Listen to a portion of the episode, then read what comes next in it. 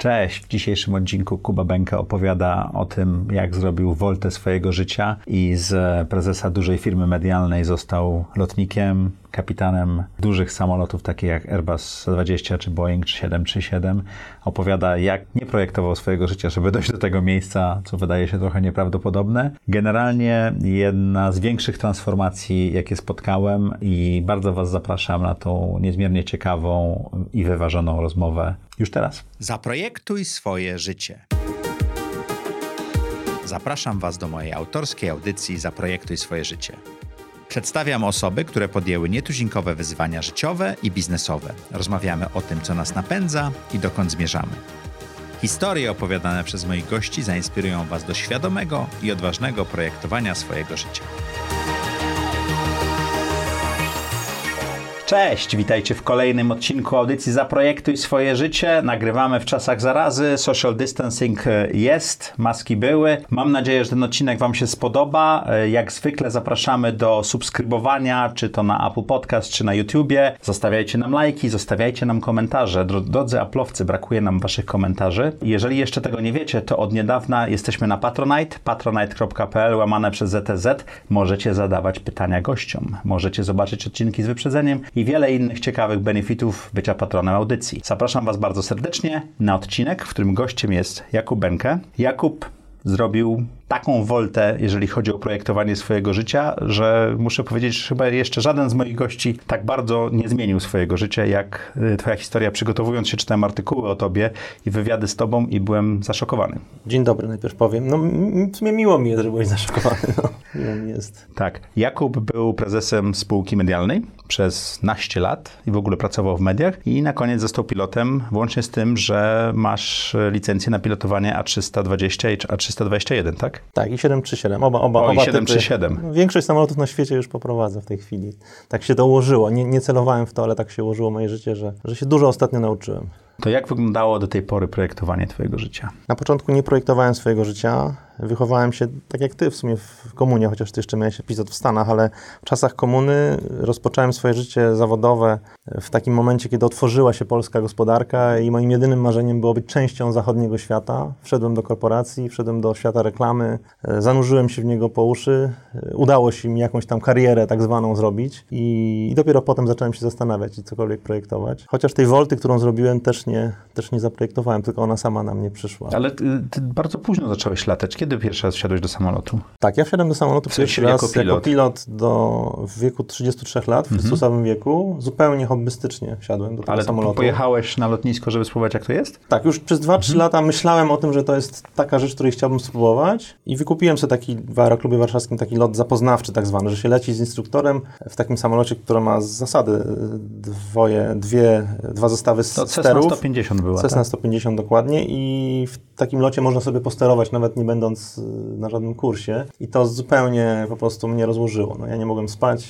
To, to było moje największe marzenie już od tamtej pory. A co latać cię samolotem. rozłożyło w lataniu? Ja na przykład się boję, szczerze mówiąc, latać małymi samolotami. Zresztą ludzie w ogóle się właściwie dzielą na dwie grupy. Na tych, którzy Mhm. się boją latania i na tych, których to totalnie fascynuje. Nie? Więc ja jestem zdecydowanie w tej drugiej grupie. Ja właściwie w ogóle się nie bałem latać nigdy i nie boję. Ta fascynacja myślę, że jest bardzo złożona. Tak? Ja, ja sam sobie ją analizuję czasami tak? i myślę, że ona ma bardzo wiele twarzy. Mhm. No Tak? powiedziałeś, że nie mogłeś spać. Co ci nie dawało spać? No ekscytacja, ekscytacja, że ja mogłem tutaj sterować tym i, i, i próbować wylądować, no Mhm. y, było to coś niezwykłego y, i myślę, że tych poziomów jest wiele, tak, że jest ten taki poziom takiej ch- chłopięcej po prostu satysfakcji z operowania jakimś takim zaawansowanym sprzętem, bardziej niż samochód jeszcze i niż samochód sterowany na radio, no bo gdzieś tam to się zaczyna od trzeciego roku życia Mhm. czy drugiego i to już idzie do końca życia, natomiast są też wyższe poziomy, tak, taki poziom pod tytułem to jest taki fajny profesjonalizm, można siebie samego doskonalić, tak, można dążyć do tego, żeby być w czymś, częścią w ogóle takiego bardzo profesjonalnego świata, tak, więc mnie od początku za, bardzo ciągnęło do lotnictwa y, zawodowego tak naprawdę. Bardzo szybko chciałem wyjść z tego tak zwanego szuwarowo-bagiennego latania. No i to tak naprawdę spowodowało woltę, bo ja jak się wyszkoliłem już do licencji zawodowej, no to stanąłem przy takim wyborem albo będę dalej po prostu biznesmenem, że tak powiem, albo, albo będę latał zawodowo i, i poświęcę temu więcej czasu. Chciałem wrócić na chwilę do czasów reklamy, bo to było dwadzieścia kilka lat, gdzie ty tworzyłeś polski rynek reklamowy. Przez chyba 13 lat byłeś prezesem Starkomu, czyli domu mediowego, który odpowiadał za większość budżetów, bo kupowanie mediów w latach 90. i 2000 to było większość budżetów marketingowych, prawda? No tak, Poza kreacją oczywiście może. był tylko częścią tego, ale myśmy w którymś momencie mieli już ponad miliard obrotów, więc to No, był duży to biznes. jest Znaczy urósł jako duży biznes. Rzeczywiście Mhm. udało mi się razem z zespołem wspaniałym ten biznes bardzo rozkręcić i... Jak e, zaczynałeś, to było 25 osób w zespole, tak? Tak, tak. Do A- jakiego rozmiaru rozkręciłeś to? No jak ja odchodziłem, to chyba było 250, teraz to już Czyli jest jeszcze 10. więcej, tak. E, Jeszcze dużo więcej jest w tej chwili. E, No ten biznes się fajnie rozkręcił, to, to była wspaniała przygoda. To co ciebie nauczyła praca w tak dużej firmie jak Leo Burnett, a później, nie pamiętam już kto kupił y, Starkoma, Publicis Group. Publi- Publicis, tak? Co, czego nauczyła ciebie ta, ta praca? No bo stałeś się szefem dużego zespołu, tak? I za olbrzymie budżety. No gdzieś tam wszys- można powiedzieć, że wszystkiego się nauczyłem, tak? Na pewno nauczyłem się i myślę, że to jest rzecz, którą w tej chwili umiem, nie najgorzej, budować bardzo sprawnie funkcjonujące organizacje dzięki temu, że mają kulturę organizacyjną bardzo mocną, zorientowaną zarówno na zadania, jak i na ludzi. Są oparte o bardzo zaangażowany zespół. Dobre procesy, ale nie przesadnie sformalizowane. Wydaje mi się, że to mi się tam udało, to świetnie zagrało. Wynikało absolutnie z mojego wnętrza wyszło, to, to nie było wyuczone. Ja, ja skończyłem wprawdzie zarządzanie, ale jak do, może domyślasz się, w, na Polskim Uniwersytecie Warszawskim tego zarządzania można było tylko liznąć co najwyżej, więc y, to była taka bardziej Czyli trochę nauka. naturszczykiem byłeś, plus to, co się nauczyłeś w korporacji, tak? No i przed Starkomem jeszcze byłem w innej firmie Mhm. mediowej, gdzie miałem dwóch takich brytyjskich szefów, z którego jeden z nich był naprawdę fajny, myślę, i od niego się nauczyłem dużo. Be- Bez tego pewnie bym nie wystartował w No i teraz to wykorzystujesz w firmach lotniczych poniekąd, tak? Ale o tym za chwilę. To y, je- jesteś szefem dużej firmy, masz dwieście, kilkaset osób, bo to wtedy nie było, czy 250 powiedzmy, miliard złotych obrotu. E, rozpoczynasz hobby, które zmienia twoje życie. To jest ten punkt, który dla mnie w projektowaniu życia jest y, niesamowity twojego. Co, co się dzieje w twojej głowie? Jak ten proces wygląda? Bo ty przez jakiś czas byłeś zarówno, uczyłeś się latania, jak i prowadziłeś firmę, tak? Tak, no ja starałem się to bardzo zrobić tak nie skacząc na głęboką fajrancie. wodę, tylko, znaczy nie po fariancie, fajrancie, ale chciałem po prostu nie, nie, nie wyrzucić do kosza wszystkiego, co mam, no, w sensie pewnego bezpieczeństwa, Mhm. zarobków, pozycji, no, nie da się ukryć, że, że miałem bardzo komfortową sytuację w sensie takim yy, Finansowym. finansowym i w sensie statusu, yy, natomiast no, bardzo chciałem robić więcej rzeczy, które lubię i rzeczywiście podjąłem taką szaloną próbę zarządzania dwoma firmami naraz, po prostu przyjąłem propozycję Mhm. zarządzania firmą lotniczą w zamian za to, że mogłem tam latać po prostu, no, ale wiązało się to z tym, że na końcu, że zarządzałem dwoma firmami i jeszcze latałem, czyli de facto miałem trzy prace. Jak sobie z tym radziłeś? Jakoś sobie radziłem, nie było tak Ale rozumiem, tragicznie. że twoja główna praca powoli cierpiała, bo coraz bardziej przechodziłeś tam, tak? No tak, nie, nie, na, należy jasno powiedzieć, że cierpiała, tak? I ja starałem się, żeby nie cierpiała. Miałem mocny zespół, mocny zarząd.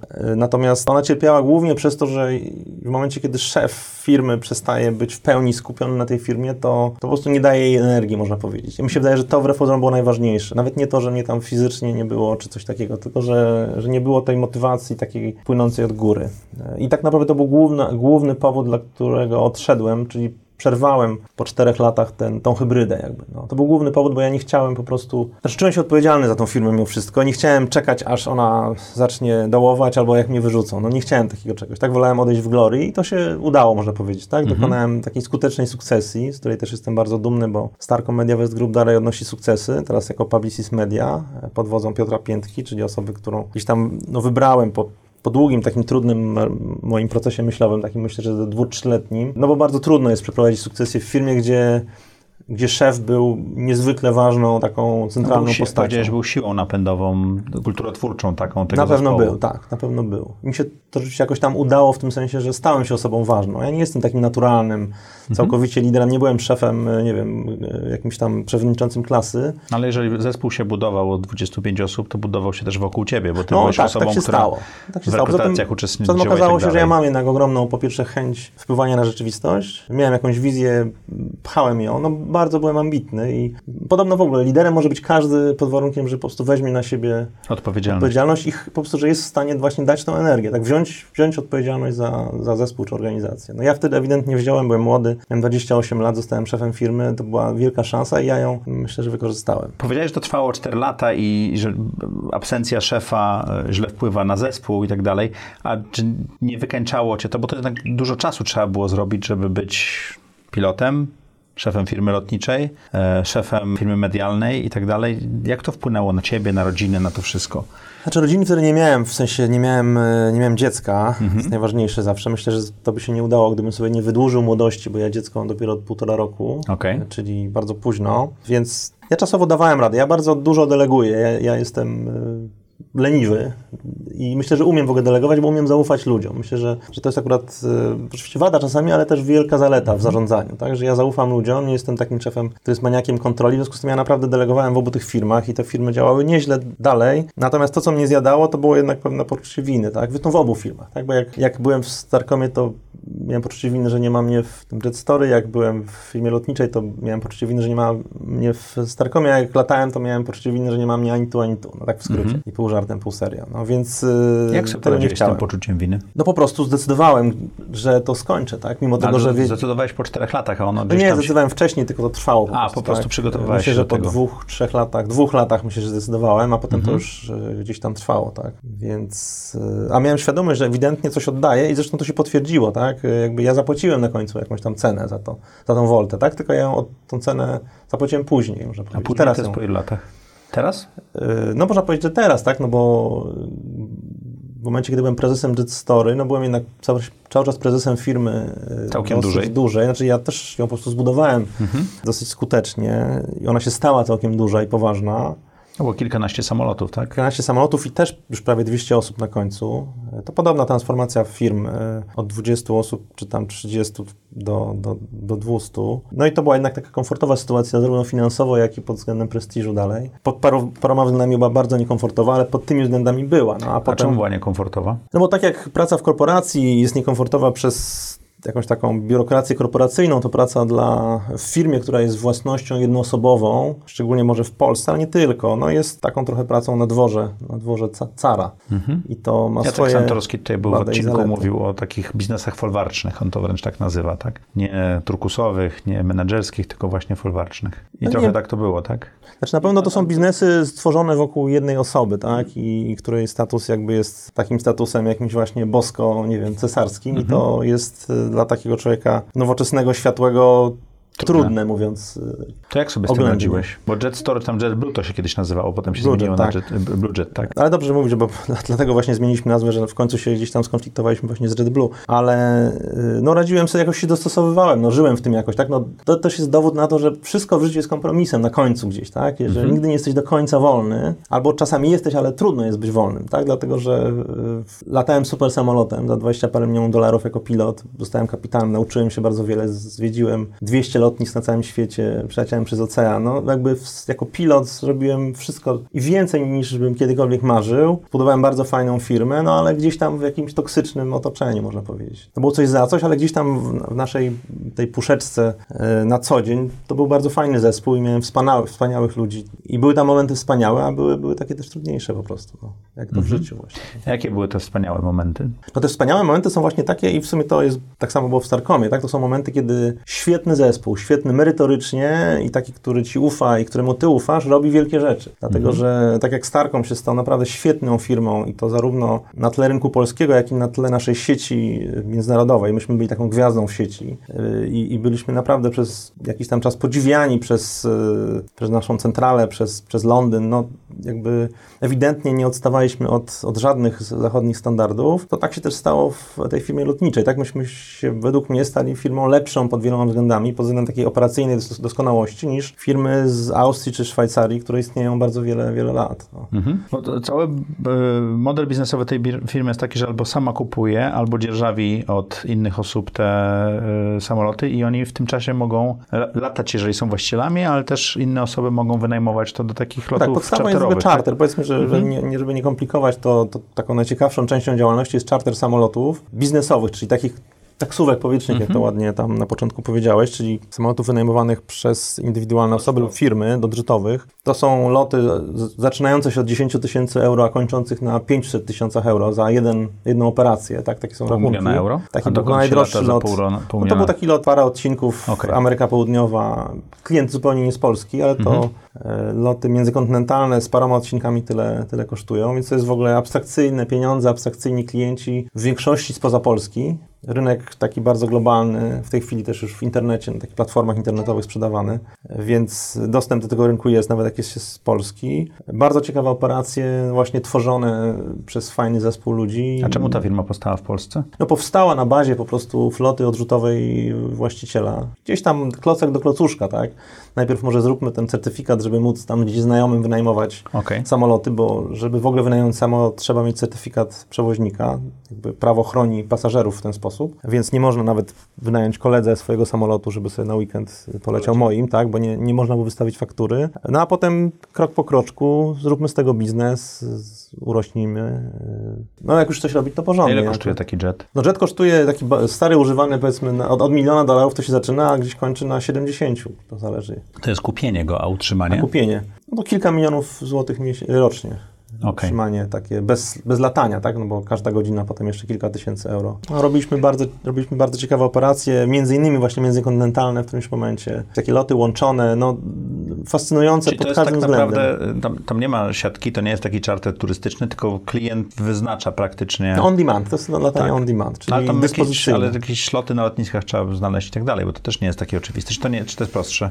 No jest różnie, znaczy generalnie tak, możemy wybierać lotniska, tak, a akurat lotniska te, które mają najwięcej slotów, czyli takie jak Heathrow, no to omijamy z daleka biznes rytami, więc tylko czasami, na przykład Genewa jest takim lotniskiem, do których, których nie ma alternatywy i tam trzeba te sloty Nica chyba zdobyć. też taka jest, jak się do Cannes lata, prawda? No tak, ale Nica nie ma problemu ze slotami, nigdy okay. się nie spotkałem, tak, a obok jest jakby co Cannes, na którym większość samolotów też wyląduje w razie czego, mhm. więc y, ze slotami nie ma aż takiego problemu jak w lotnictwie tym dużym, chociaż się zdarzają, są wielorakie problemy, tak? Mhm. Y, zgód dyplomatycznych, bo czasami trzeba polecieć, na przykład na Falklandy mieliśmy, no to w ogóle nawet nie było wiadomo, jaki jest do końca status tych Falklandów, czy tam wolno polecieć. A to się leci przez Argentynę, czy, czy, nie, czy nie da się? Tu akurat chyba był, e, już teraz nie pamiętam, no chyba był przez ocean, ale mhm. było w ogóle pytanie, czy tam nic nie będzie nam groziło, bo to jest cały czas taki obszar konfliktowy, mhm. jak się okazało. Nie śledzimy tego już wszyscy na co dzień, to jest cicha historia, ale tam cały czas jakiś konflikt drzemie. Zresztą tak samo jak nawet na Cyprze, tak? To lotnictwo jest zawsze dotknięte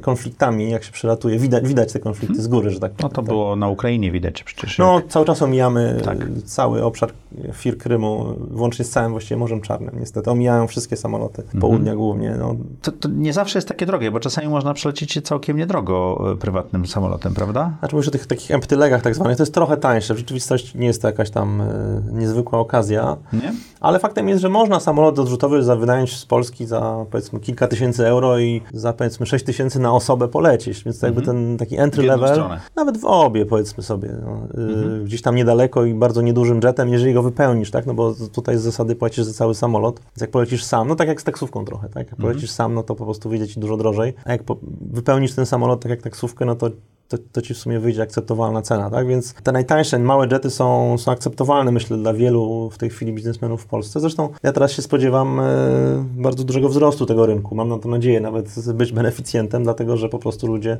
będą jednak unikali latania dużymi samolotami. Ty, ci, na których A, to stać, to rzeczywiście. Ci których, na to, e, ci, których na to stać, to po prostu będą starali się latać prywatnymi jetami, mhm. więc... E, to czy w takim biznesie spotyka się interesujących ludzi albo jakieś takie ciekawostki czy historie, które mógłbyś wspomnieć, że po prostu to było coś niesamowitego? Mhm. Czy w ogóle jak się lata jako pilot, czy w ogóle członek załogi w lotnictwie mm -hmm. dyspozycyjnym, takim czarterowym szczególnie, no to naprawdę ma się niesamowite przygody. Uważam, że to jest jedna z ciekawszych w ogóle form lotnictwa. Niełatwa też, bo się bardzo dużo jest poza domem. Interesujących ludzi się spotyka też, tak? Róż, po prostu jest bardzo urozmaicone. To. Lata się po całym świecie, na przykład y, siedzisz w domu, dostajesz telefon, że za chwilę wylatujesz, że masz być za chwilę na lotnisku i wrócisz za tydzień i po drodze będziesz w Azji, w Europie, a może nawet w Stanach. A nie i... potrzebujesz wiz do tych wszystkich krajów? No różnie jest, tak? Część wiz myśmy mieli zawsze, mm -hmm. na przykład rosyjską, amerykańską, y, mieliśmy. Do wielu krajów załogi lotnicze nie potrzebują wiz, do niektórych potrzebują i na przykład Chiny, no to były jakieś tam tylko załogi tych większych samolotów, które miały wizy chińskie. To jest dobre pytanie, ale na szczęście w dzisiejszych czasach jeszcze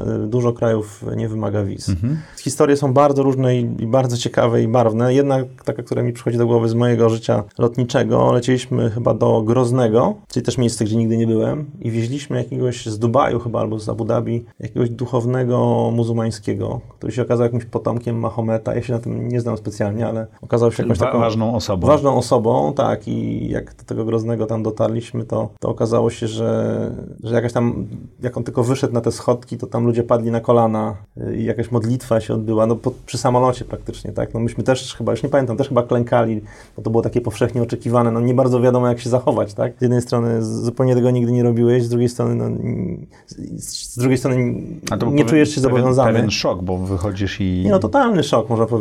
Też fascynujący. Ten, zresztą ten, ten człowiek był niezwykle miły, niezwykle ciepły dla nas, jako dla załogi. Yy, zdarzają się bardzo różni pasażerowie, niektórzy bardzo aroganccy, niegrzeczni, pijani, ale zdarzają się też niebywale ciekawi i niebywale właśnie ciepli. I ten akurat był wyjątkowo miły, również dla stewardesy kobiety, mimo tego, że to jakby ta muzułmańska kultura, yy, można się domyśleć, że temu jakoś nie sprzyja. Natomiast e, rzeczywiście ta taka, jak taka ceremonia religijna na schodkach samolotu de facto i ci ludzie tam kl- klęczący przed samolotem, to była taka rzecz, której nigdy nie zapomnę. No. A Jakieś trudne sytuacje? No taką trudną, która, naprawdę trudną, którą pamiętam z, jako kapitan też, to była taka sytuacja tylko handlowo trudna, że mieliśmy dwa loty sklejone ze sobą, że tak powiem, tak? To znaczy y, mieliśmy jednego pasażera i mieliśmy lądować z nim w Nicei, to już o godzinie 21, a o 23 miał wylecieć inny, zupełnie inny pasażer. Z Nicei. Z Nicei kupiony lot sprzedany przez innego brokera i myśmy tam mieli zmienić załogę, myśmy mieli wysiąść z samolotu, a nowa załoga już tam czekała z Warszawy, przyleciała rejsowym samolotem i miała polecieć z tym drugim klientem.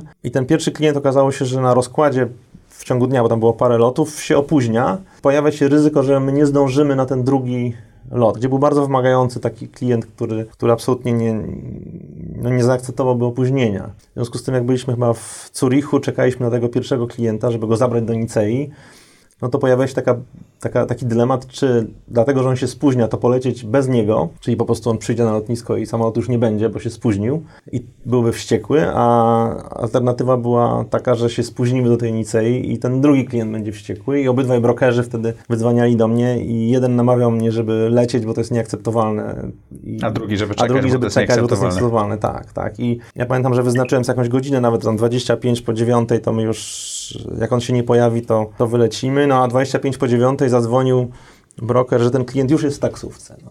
Więc wtedy lecieć, jak sobie wyznaczyłem ten, ten deadline, czy jednak nie, bo on już jest w taksówce. No. I jakby zostało to napięte już do ostatnich granic. Myśmy no, niebywale tam szybko musieli się zebrać, że tak powiem, wystartować. To było na granicy bezpieczeństwa, powiedziałbym. Wszystkie procedury zostały dochowane, ale, ale, ale, ale bardzo szybko to wszystko się działo, za Poziom, szybko. poziom stresu jest bardzo wysoki wtedy, tak? No taki w ogóle pośpiech jest zawsze wrogiem lotnika tak naprawdę, więc potem w Nicei też to było zaba- zabawne, zwykle tam jest świetna pogoda, chcieliśmy zrobić podejście wizualne, czyli takie, gdzie się na skróty leci do lotniska już po prostu widząc, widząc pas, okazało się, że akurat się pojawia chmura, która nam na to nie pozwala i musieliśmy oblecieć ją, więc też jeszcze to się opóźniło i wylądowaliśmy Zajechaliśmy na stanowisko, tam już czekała ta nowa załoga, oni wpadli, byliśmy wszyscy naraz w samolocie, tam ci sprzątali, myśmy tankowali i w tym momencie już kapitan z tej drugiej załogi jechał z pasażerem tym drugim do samolotu. Myśmy go nawet nie spotkali, bo myśmy odjechali do terminala, a pasażer nowy już Czyli wszystko było na styk. Tak, wszystko było na styk, ale, ale się udało, czyli był ten happy end Mhm. na końcu. I myśmy tam zostali w tej Nicei, tak nagle adrenalina, adrenalina upadła i myśmy nie wiedzieli, co ze sobą zrobić, bo nagle nie ma samolotu, nie ma obowiązków. No udaliśmy A- się na imprezę. A, a stres był tak, duży. To no, imprezy imprezę, bo- lotników są dość słynne, tak? no, ja akurat myślę, do, do, do tej grupy nie należę, ale tam rzeczywiście mieliśmy taki poziom e, adrenaliny, że nikt by z nas nie zasnął, więc poszliśmy rzeczywiście, jakieś tam dwa drinki wypiliśmy i, i poszliśmy spać pewnie koło trzeciej w nocy, bo Żeby tak, bo ewidentnie musieliśmy się adrenaliny. wyluzować. To było e, niezwykłe takie doświadczenie, również właśnie emocjonalne i to odcięcie, że ten samolot już poleciał, już, już nic nie ma więcej, już nic nie musimy, zrobiliśmy to wszystko, było takie niesamowite. Powiedziałeś bardzo interesującą e, rzecz, że płacisz w tej chwili cenę e, za swoją decyzję, którą podjąłeś w 2013 roku, e, przejścia z firmy medialnej na firmę do firmy lotniczej czy transportowej, ale wszedłeś z prezesa na prezesa, no ale w międzyczasie e, rozstałeś się z Jet Story dość dużym hukiem, bo to było opisane medialnie, że wyraziłeś swoją opinię na temat to, co media powinny robić politycznie i ta, ta współpraca się skończyła, prawda? Tak, tak. Ja jestem e, osobą generalnie, która raczej mówi to, co myśli i w sytuacji, w której jesteśmy teraz, e, no nie ukrywam moich e, opinii o obecnej władzy. Mhm. W tamtym momencie tą opinię, nawet nie opinię, ale, ale jakiś tam pomysł, taką inicjatywę prodemokratyczną zgłosiłem w mediach społecznościowych i prawdopodobnie, bo nawet tego nie wiem, prawdopodobnie to było gdzieś tam przyczyną tego, że tą pracę straciłem. Ja z perspektywy czasu nawet się może i z tego cieszę, tak, bo, bo, bo bo pewnie nie miałbym sam tej odwagi, żeby, żeby właśnie zrobić ten kolejny krok w kierunku No bo bycie lotnictwa. prezesem trochę uzależnia, prawda? No to taka zawsze, zawsze trochę złota klatka, Mhm. tak, gdzieś na końcu I, i, i mnie zawsze też kusiło, żeby zostać takim pilotem na, na, na cały etat, że tak powiem i, i mój e, mocodawca mi to wielkodusznie umożliwił, bo, bo zostałem wtedy od razu kapitanem Airbusa 320 właśnie, to wspaniały samolot, udało mi się właśnie zostać kapitanem od razu, to wielkie wyzwanie dla lotnika, być Ale w czarterze czy w jakiejś tak, w czarterowej Mhm. firmie. Zawsze w ogóle, w ogóle kapitan i pierwszy oficer różnica jest bardzo duża, kolosalna, bo cała odpowiedzialność spoczywa na kapitanie i jeżeli zostaje się kapitanem od razu na nowym typie, czyli nie awansuje się z oficera na kapitana danego typu, tylko zmienia się typ jednocześnie i, zostaje stanowisko. kapitanem, to to jest bardzo wymagające, tak? Dlatego, że dosyć szybko, już po tak zwanym line trainingu, zostaje się samemu z oficerem, czyli z osobą potencjalnie mniej doświadczoną yy, niż kapitan, a w każdym razie z osobą, która liczy na to, że kapitan będzie podejmował decyzję i że będzie wiedział lepiej niż ten oficer, a jak się ma na tym typie 100 godzin, to nie jest to czasami łatwe. 100 godzin to nie jest dużo. Nie, no to nie, to nie jest dużo. No. M- Przyjmuje się, że 500 godzin y, na typie daje takie minimum e, komfortu. E, Oczywiście ja się bardzo jakby ciężko pracowałem, żeby się tego samolotu uczyć, e, natomiast no, pewnych rzeczy się nie zastąpi, znaczy za doświadczenia się nie zastąpi. Tak? Mogłem się uczyć z książek, systemów tego samolotu, ale... Na symulatory? No to, też to jest oczywiste, tak? To jest oczywiste, że jakby nikt nie wpuści pilota do kokpitu, który nie jest bardzo dobrze wyszkolony, ale żeby mieć ten pełen komfort, no to trzeba wylatać ileś godzin na realnym samolocie, przeżyć ileś usterek, ileś problemów i tak dalej, tak? A to jeszcze był przeskok z samolotu biznesowego na ciężki samolot 80-tonowy, prawie 90 w przypadku To zupełnie inaczej się lata, prawda? No, lata się o dziwo podobniej niż, y, niż byś sądził, albo niż ja nawet sądziłem. To- Czemu? Bo ta awionika jest elektroniczna? znaczy tego- tak, no, od strony w ogóle lotniczej to naprawdę jest y, paradoksalnie podobne, chociaż oczywiście przez tą masę jakby marginesy na przykład długości pasów czy prędkości wznoszenia są mniejsze po prostu. Trzeba bardziej na to zwracać uwagę, bo latałem wcześniej samolotem, który miał, bardzo silny, miał świetne hamulce i właściwie na każdym pasie się zmieścił i, i wystartował i wylądował i to w ogóle nie była kwestia, a jak latasz Airbusem 321 i jeszcze on jest pełny, ma 220 osób, jest ciepło i jesteś gdzieś na jakiejś greckiej wyspie, no to już... 220 y, osób to jest 100 ton, tak? Plus bagaże jeszcze pewno, tak? no to 10 nie jest ton, aż... 10 no ton, tak, tak, tak. Znaczy nie, ten, ten samolot cały waży tam ponad 80 ton wtedy. Kwestia właśnie długości pasa do startu, y, gradientu wznoszenia w razie przeszkód. Y, no to już są rzeczy, które trzeba dużo bardziej analizować. Natomiast samo latanie naprawdę jest podobne, aczkolwiek mówię, nowy typ samolotu, jeszcze zupełnie inny fly-by-wire, czyli dużo bardziej elektroniczny. Y, Airbus w ogóle jest uważany za samolot, który jest łatwy w lataniu, ale jak się coś tam dzieje złego, to, to jest to trudne, bo to wszystko jest bardzo skomputeryzowane i powią- powiązane, tak? Czyli usterki są e, Kaskadowe. takie kaskadowe trochę, tak. No i tam na tym ekranie, jak się pojawia jedna usterka, to jest bardzo wygodne, bo, bo się pojawia ust- usterka, która mówi, co się stało, więc jakby to jest tak dla, dla przedszkolaka niemalże. Pojawia się, co się stało i jakie guziki należy nacisnąć, ale jak się pojawi siedem ekranów tych usterek naraz, to już nie wiadomo, co z tym zrobić, więc y, na szczęście nie miałem takich sytuacji i ten Airbus to Poza symulatorem, tak? poza symulatorem, gdzie są wyłącznie usterki, to, to Mhm. jakby już... Że wchodząc tam wiesz, że, że prawdopodobieństwo, że się rozbijesz w tym wirtualnym Znaczy locie jest na szczęście nie rozbiłem się Airbusem. Znaczy, w życiu w ogóle się rozbiłem chyba dwa razy na symulatorze, zresztą sobie to wyrzucam do tej pory, ale to się zdarza rzadko. Na, na szczęście na Airbusie ani na Boeingu się ani razu w symulatorze nie rozbiłem, Mhm. no bo o to generalnie chodzi, tak, żeby się wyratować z tych sytuacji. Tak, to super przygoda z Airbusem, no ale niestety ta firma też y, czarterowa upadła, jak się też to tak źle złożyło i, i gdzieś tam znowu musiałem zmienić y, przewoźnika, że tak powiem. A i- teraz jesteś w Bartolini Air, tak? Znaczy Bartolini Air to jest jakby jeszcze osobna rzecz. To jeszcze osobne. To jeszcze osobna. latasz, Ja latam w jednej z linii lotniczych, w tej chwili na tym Boeingu 737, czyli znowu mhm. wróciłeś. e, nie wróciłem, po prostu zmieniłem znowu typ na Mhm. Boeinga i dlatego się śmieję właśnie, że miałem taką dwa lata naprawdę wspaniałe z punktu widzenia lotnika, no bo poznałem dwa najpopularniejsze typy samolotów na świecie.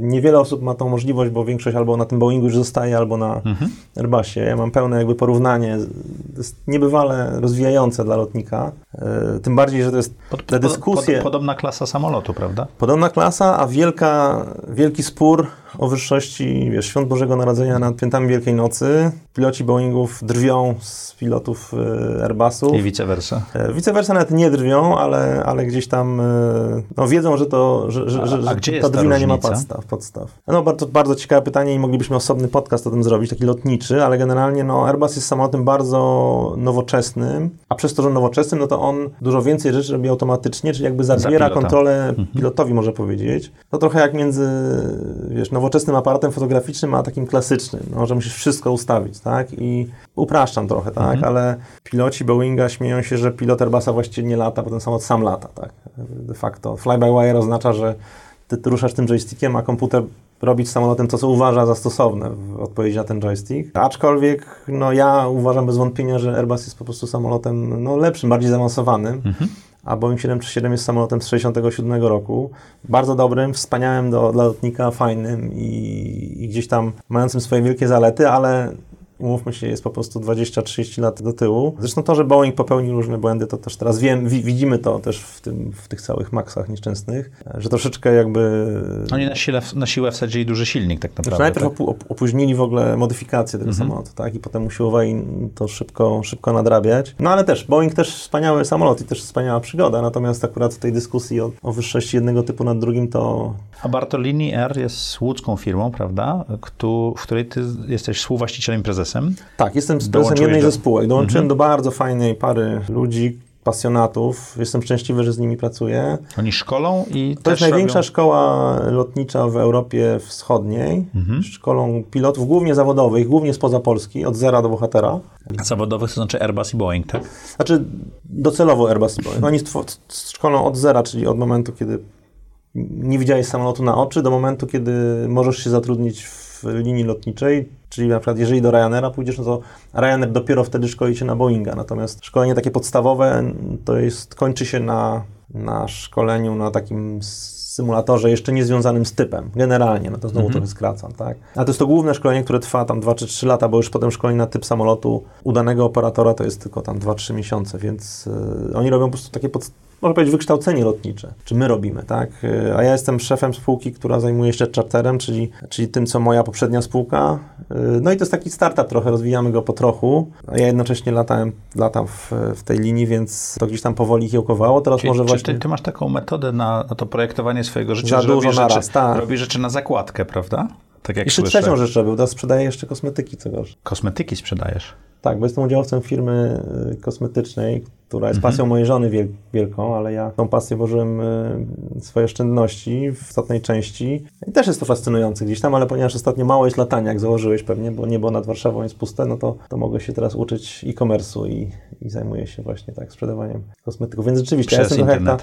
ta, jak w tym filmie, wiesz, że, y, jestem kobieta pracująca, żadnej, pracy się nie boję. Tak. Ale no to jest twój sposób na, na, na zmianę w życiu w pewnym sensie, bo ty wsadzasz tą, nogę, nudzić, tak. wsadzasz tą nogę ciągle trzymając się poręczy w muszę pewnym sensie że do wody, Nie tak? Tylko poręczy, po prostu różne rzeczy naraz, tak. Żeby nie, z niczego nie zrezygnować za bardzo. No, myślę, że trochę tak. A to jest kwestia braku możliwości czy zdolności podejmowania wyboru, czy taka kwestia ciekawości świata i rozszerzania swoich horyzontów? Nie wiem, chyba to bo tak lubię, że się dzieje generalnie, jak się różne rzeczy dzieją. Nie chcę po prostu rezygnować z rzeczy. Nie wiem, czy decyzji nie umiem podjąć, po prostu chyba nie chcę rezygnować z pewnych rzeczy. Ja w ogóle w te kosmetyki się dotychczas operacyjnie nie angażowałem tak naprawdę. Tylko No teraz masz czas. Mam czas, a z drugiej strony mam wrażenie, że firma mnie potrzebuje, tak bym powiedział.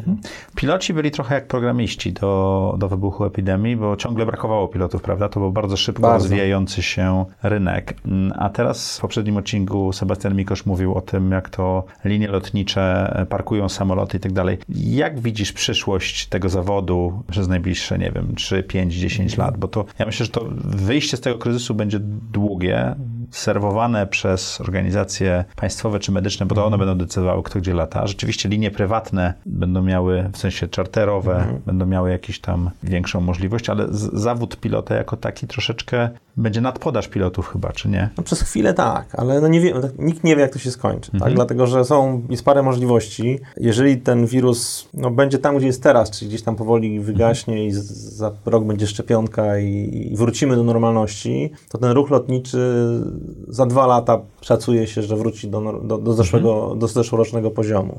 Natomiast te czarne scenariusze można mnożyć dowolnie, tak, że będzie taki wirus się pojawiał co chwila, że w ogóle jakby no, świat może się rozpaść i gospodarka może spaść o 30%. Jakby no tutaj tych negatywnych scenariuszy możemy mnożyć, e, właściwie w nieskończoność się mnożyć. No ale ja zakładam, że rzeczywiście za dwa lata to wróci koniunktura. W związku z tym, jak ktoś teraz zaczyna się szkolić na przykład od zera, żeby zostać pilotem, to może znowu trafi w górkę, bo A ile czasu się szkoli człowiek, żeby zostać pilotem?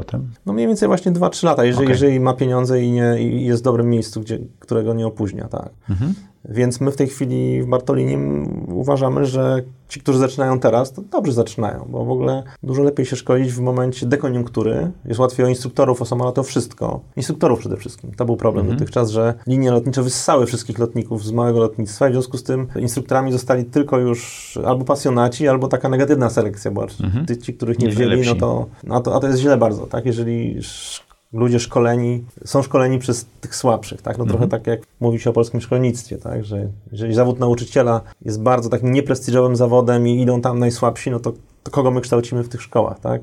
Tak się mówi o takim problemie. Neg- tak? No, negatywna spirala się robi. tak, e, więc my uważamy, że, że warto. Zresztą Bartolini prowadzi teraz taki fascynujący program e, mentorski Ryanaira, czyli szkolimy ludzi dla, Dla, dla Ryanaira według ich standardów. Mhm. No taki najle, najwyższe I światowe ten program ciągle trwa. tak, on wręcz się zaczyna nas rozkręcać, tak. I, i są, widzimy, że linie i Ryanair, Wizz Air jakby szukają tego, e, tych, tych nowych pilotów, nie w sensie, że- żeby zatrudniać ich teraz, ale chcą ich szkolić właśnie na te, na za te dwa lata. Wiesz, A ile zarabia pilot w takiej linii Wizz Air, Ryanair, no LOT? to jest bardzo dobre pytanie. Wiesz, dlatego, że, oni, że to się bardzo zmienia, w tym sensie, że po pierwsze to bardzo zależy od liczby godzin w danym miesiącu. Mhm. Czyli to nie jest pensja stała, tylko to zależy od bycia w powietrzu, tak? Tak, no, w lotnictwie dyspozycyjnym, czyli w tych czarterach często to jest pensja stała w dużej mierze, natomiast w liniach lotniczych zwykle jest tak zwane pensum, czyli jakieś takie minimum, y, które jest zwykle podane w jakichś godzinach, tak? Czyli y, jeżeli wylatasz mniej niż na przykład 40 godzin, to dostaniesz pieniądze za Za 40, 40 godzin, godzin.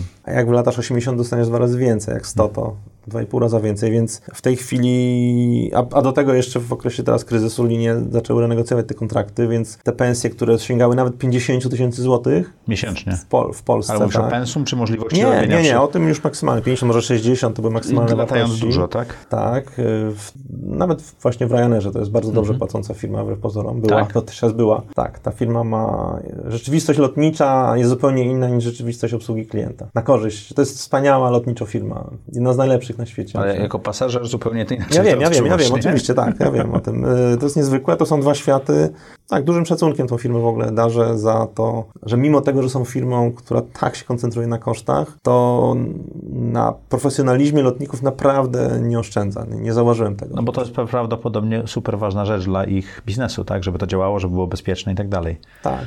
No i gdzieś tam też po tych różnych historiach, które znamy Ryanaira w Europie, oni zaczęli też naprawdę dobrze płacić, co na polskie warunki się już przekładało na naprawdę taką bonanzę, można powiedzieć. Wizz Air też płacił nieźle, no to na pewno była, był wynik koniunktury no, oraz tego, że żeby być kapitanem w takiej linii naprawdę trzeba e, już być dobrym i oni wiedzieli o tym, że znaczy wszystkie linie wiedzą, że, że, że właściwie taka kata potencjalna katastrofa samolotu to jest też katastrofa Finansowa. finansowa, więc podstawą jest, żeby zapewnić to, żeby kadra była dostatecznie mocna, przynajmniej kapitańska i te linie, linie to ro- robią, więc y, zarabiali bardzo dobrze, zarabialiśmy, y, a teraz to można zarabiać dowolnie mało, nawet zero. Zbliżając się do zera, tak? Tak, tak, tak, tak. Stąd też pomysł na kosmetyki No, i rozwój znaczy- e-commerce'u. Tak? Oczywiście Jako jedna z nóg. Tak, tak, tak. Zdecydowanie w tej chwili idę w tę stronę i idę w stronę Bartoliniego, no bo wiem, że mm, na lotnictwie takim komercyjnym, którym chciałem się zająć bardzo w tej chwili jako pilot w 100%, no to na razie nie, nie ma perspektyw za dobrych. Mhm. E, Myślę, że to realnie w jakimś takim pełnym wymiarze właśnie wróci no, za rok najwcześniej, a może za dwa, więc mam teraz trochę czasu, żeby znowu przypomnieć sobie, czy się znam na biznesie. To wygląda.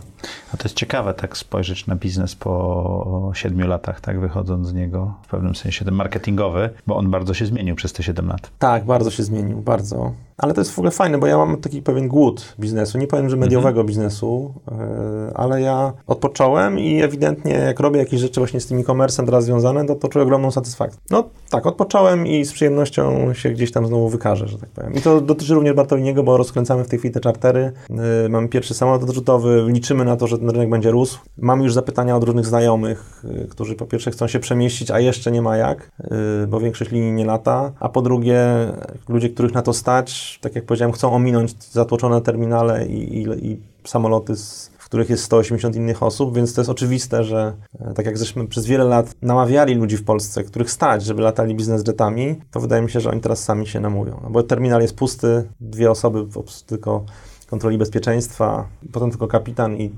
twoja żona y, naprzeciwko ciebie, jeżeli z nią sobie lecisz i tyle, tak? No to jest w dobie koronawirusa, to się samo, samo reklamuje, że tak powiem, mhm. więc zapraszamy. W audycji Zaprojektuj swoje życie jest taki moment zawsze, że, który nasi widzowie i słuchacze dość lubią, okay. zadaje podobne trudne pytania, pytania, trudne pytania właśnie gościom e, i one się powtarzają, żeby mhm. właśnie określić troszeczkę charakter gościa. Czy możesz opisać najlepszą decyzję, jaką podjąłeś w swoim życiu? Tak, mo mogę. Bardzo nie, mało atrakcyjną odpowiedź może podam. Myślałem o tym, bo wiem, że to pytanie zadajesz.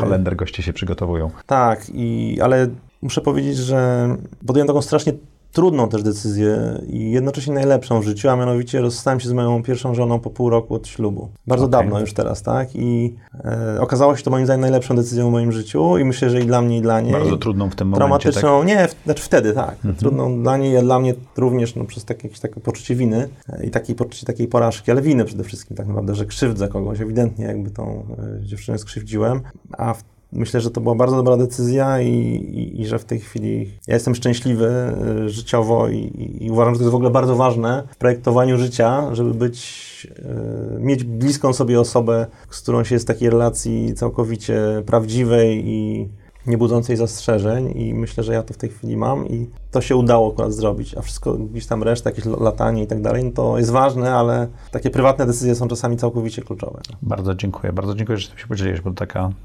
trudna, a ważna rzecz w życiu. Co daje Ci najwięcej energii czy satysfakcji w życiu? Oj, parę rzeczy daje mi satysfakcję, ale gdzieś na końcu to myślę, że robienie fajnych rzeczy z fajnymi ludźmi, tak bym mhm. powiedział, tak? A co to są fajne rzeczy? No. Kto, kim są fajni ludzie? Wiesz, to fajni ludzie dla mnie to są ludzie przede wszystkim prawdziwi. To jest taka mhm. podstawowa sprawa. Prawdziwi i z którymi ja mogę być prawdziwy i jednocześnie ludzi, ludzie życzliwi, tak? Czyli tacy, którzy chcą dla innych dobrze.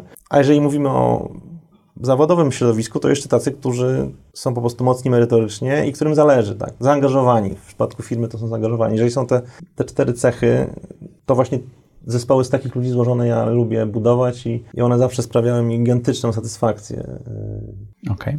A czy jest coś, co mógłbyś przestać teraz robić, co poprawiłoby twoje samopoczucie spowodowało twój rozwój? Ja mogę za dużo się na pewno martwię w życiu. To jest, to jest mm -hmm. takie coś, co ja za dużo to robię. Trudno. Trudno przestać, tak. No to jest, y, no ale wiesz, walczymy cały czas o, o samorozwój, ja też to mhm. robię, więc i dużo się mi udało, tak? Znaczy, ewidentnie, że ten wirus też udowodnił mi, że należy właściwie puścić kontrolę w którymś momencie, bo nie, no nie mamy na to wpływu, tak? Y, najpierw na przykład, jeżeli chodzi o moje, jakieś moje życie lotnicze z ostatnich dwóch lat, no to wiesz, czy trzech, y, zdarzyło się szereg rzeczy, który, na których nie miałem żadnego wpływu.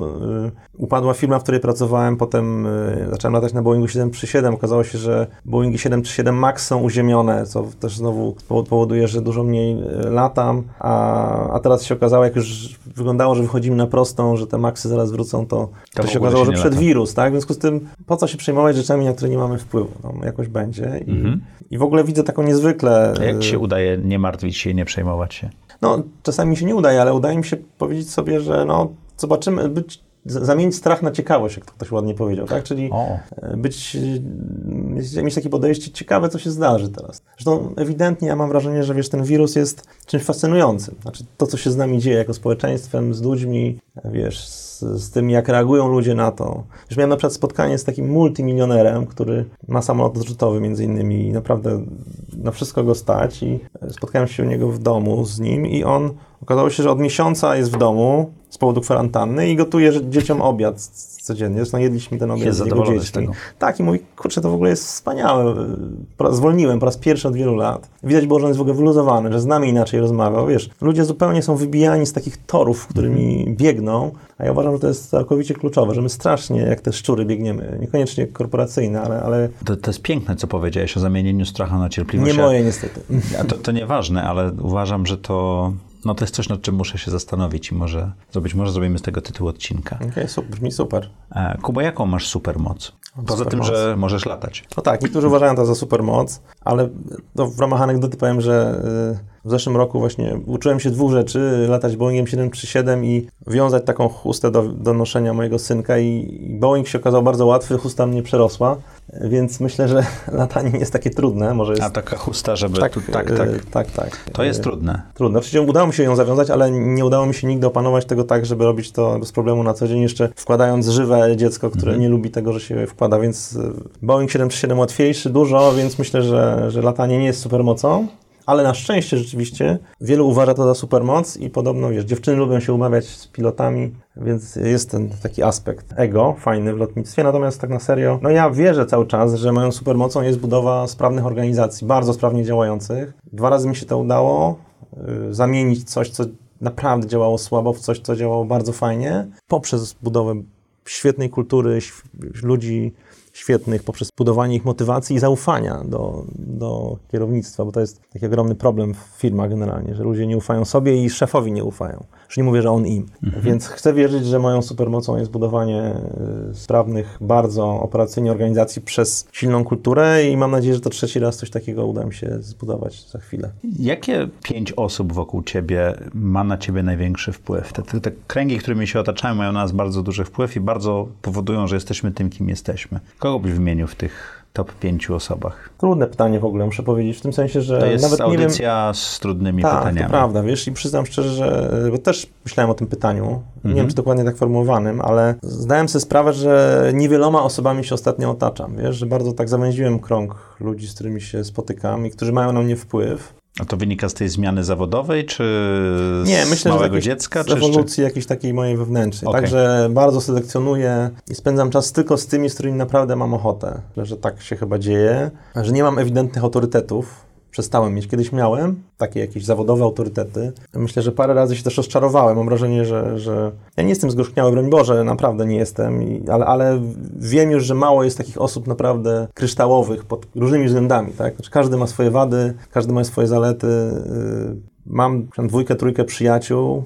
Jeden mój przyjaciel, na pewno mogę powiedzieć, osoba, która ewidentnie wpłynęła na mnie, który też jest lotnikiem i był dla mnie takim przewodnikiem e, w, do, do, tego świata lotniczego i w tym świecie lotniczym. E, I razem prowadziliśmy Jet Story z Oskarem. I on też z tej firmy wyleciał z jeszcze bardziej dziwnych powodów niż ja, więc mamy gdzieś tam jeszcze taką wspólnotę historii. E, bardzo mądry człowiek i, i, świetny lotnik, więc e, on na pewno ma na mnie wpływ i myślę, że moja żona też ma duży wpływ e, na mnie i też jest to taka jakaś tam osoba, która jest dla mnie wiecznym wyzwaniem w takim rozwoju osobistym, osobistym bo mm, ja mam te, te, jestem taki dosyć konserwatywny, a ona bardzo lubi zmiany i zawsze mnie wypycha właśnie z tych torów takich myślenia, że to, co było, jest dobre, tak? No bo człowiek konserwatywny myśli, że tak jak jest, jest dobrze, tak? A człowiek, który lubi zmianę, myśli sobie, już, już za długo jest tak jak jest, zróbmy coś inaczej, tak? I to jest, albo mogłoby być lepiej. Albo mogłoby być lepiej, więc... To a propos mogłoby być lepiej. Jakie trzy rzeczy chciałbyś robić za trzy lata? Mhm.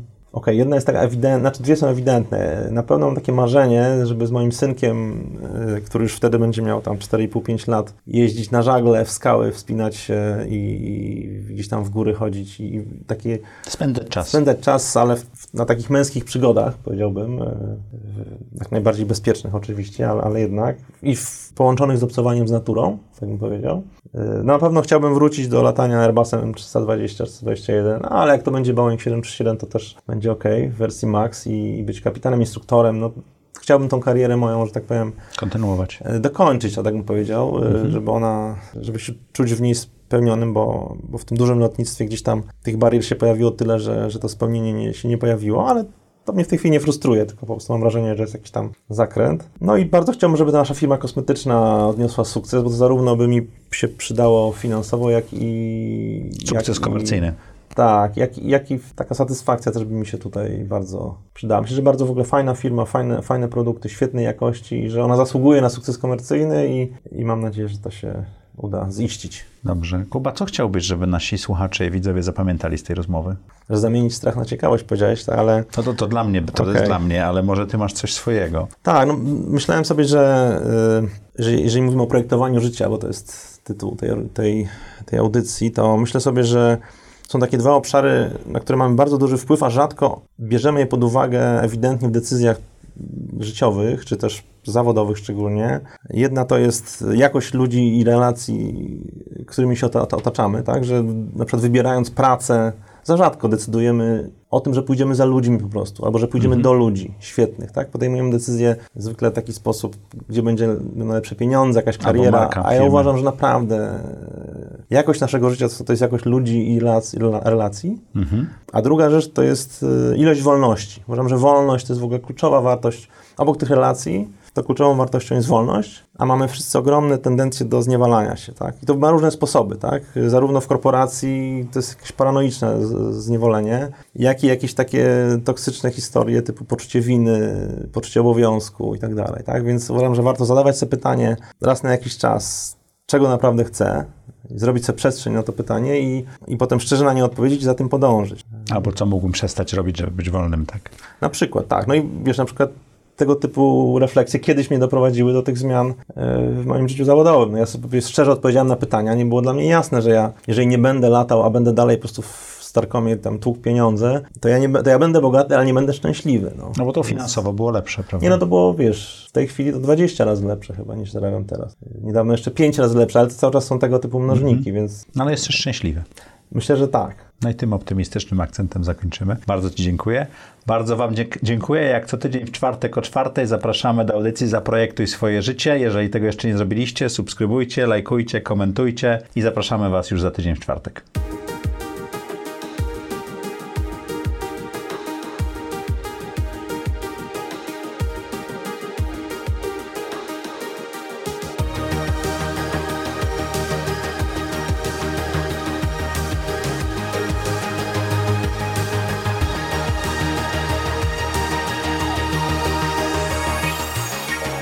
Zaprojektuj swoje życie.